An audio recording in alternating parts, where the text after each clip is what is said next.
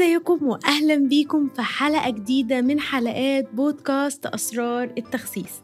معاكم دينا حسين أخصائية تغذية علاجية وتغذية رياضية مدربة رياضية معتمدة وهيلث كوتش الحلقة بتاعتنا النهارده هحكي لكم قصة صغيرة. بمناسبة أجازات الصيف اللي داخلة علينا وكل الناس بتسافر في الصيف وبتخاف إن وزنها يزيد والأسئلة بدأت تجيلي جدا كتير. القصة بتاعتي عن حكايتي أنا في أجازة من الأجازات والقصة هنخرج بيها بعبرة. طيب خلوني أحكي لكم القصة. كنت ده طبعا كان زمان جدا يعني من قبل ما أفهم التوازن وإن أنا إزاي أحافظ على وزني والكلام ده كله. كنت نازلة مصر أجازة أنا عايشة بره مصر وأنا مصرية طبعا زي ما أنتوا عارفين وكنت عايشة بره مصر وكنت نازلة مصر أجازة هقعد 3 شهور. الحقيقة كنت عاملة دايت وبلعب رياضة وكنت واصلة لوزن حلو جدا وكنت كل هدفي اللي بفكر فيه إن أنا أنزل مصر باقل وزن وأقل نسبة دهون ممكنة. وجيت قبل ما انزل مصر بشهر كده بقى عاملة diet جامد جدا بلعب رياضة بال... بالساعة والساعتين وده ال obsession بتاعي أنا هنزل مصر رفيعة جدا.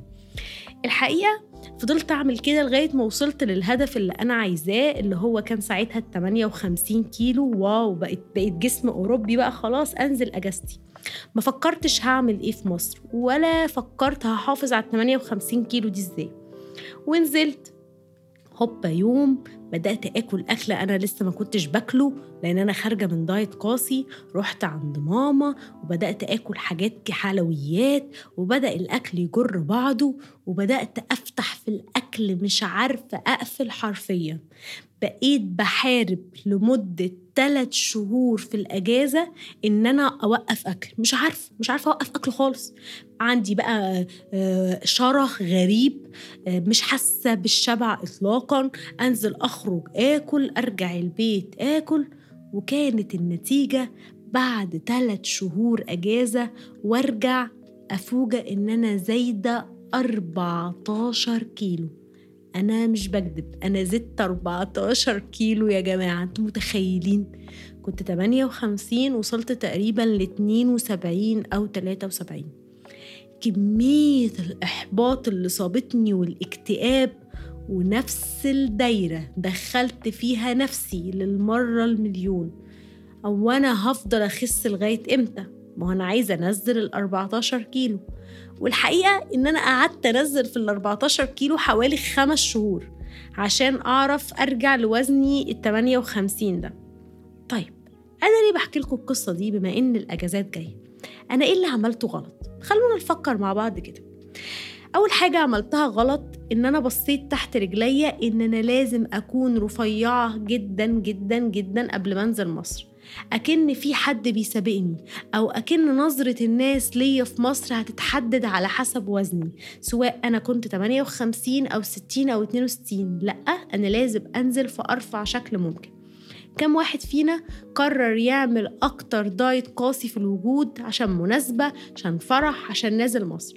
عشان قيمته بتتلخص في شكله. دي أول غلطة أنا عملتها. تاني غلطة إن أنا نازلة أجازة وبعمل diet قاسي جدا. طبعا أنا اتكلمت كتير إن أنا أصلا ضد ال diet القاسية من أساسه دلوقتي. لكن إن أنا كمان رايحة على أجازة رايحة على سفرية فأنا بجهز جسمي إنه يبقى جعان. فاكرين لما كنا بنتكلم في حلقة من الحلقات وقلت لكم إن أنتوا لما بتعملوا diets قاسية جدا هرمون الجوع بيعلى في جسمكم جدا جدا بعدها وهرمون الشبع بيقل بصورة كبيرة وجسمك بيبقى عايز يسترد الدهون المفقودة بأسرع وقت ممكن. فأنا حضرت عفريت قبل الأجازة ومش عارفة أصرفه بقى لأن العفريت اتحضر. عارفين كده زي ما يكون معاكم مصباح علاء الدين وعمالين تفركوه كده عشان يطلع الجني؟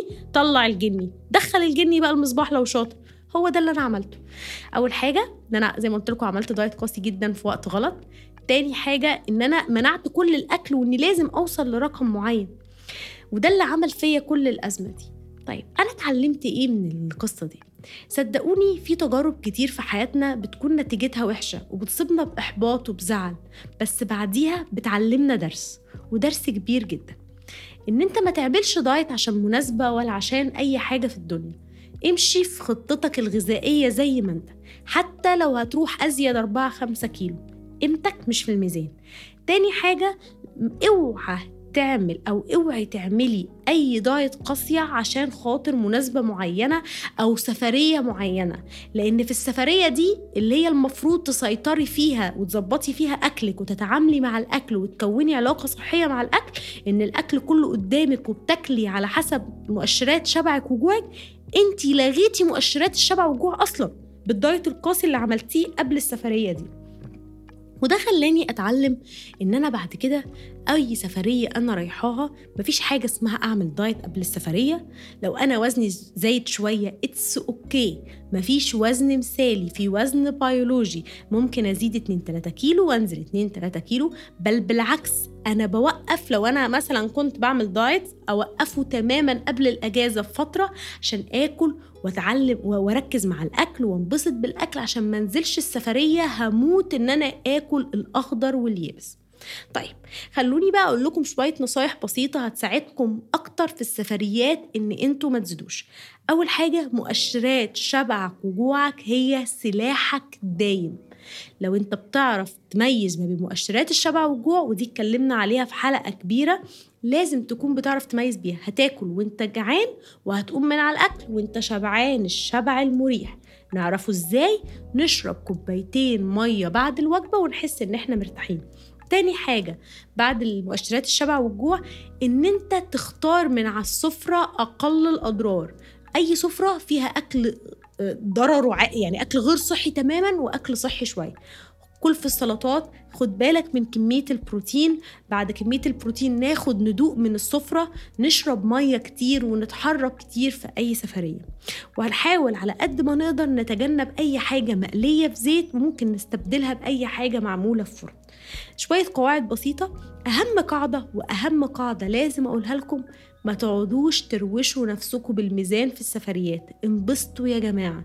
انسوا الدايت. انسوا نزول الوزن.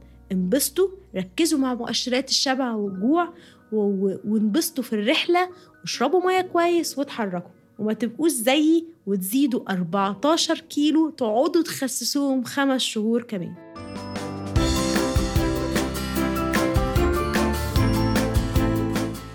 الحلقة النهاردة كانت صغيرة بس فيها درس بسيط بمناسبة الأجازات. وشوفكم الحلقة الجاية من بودكاست أسرار التخسيس. مع السلامة.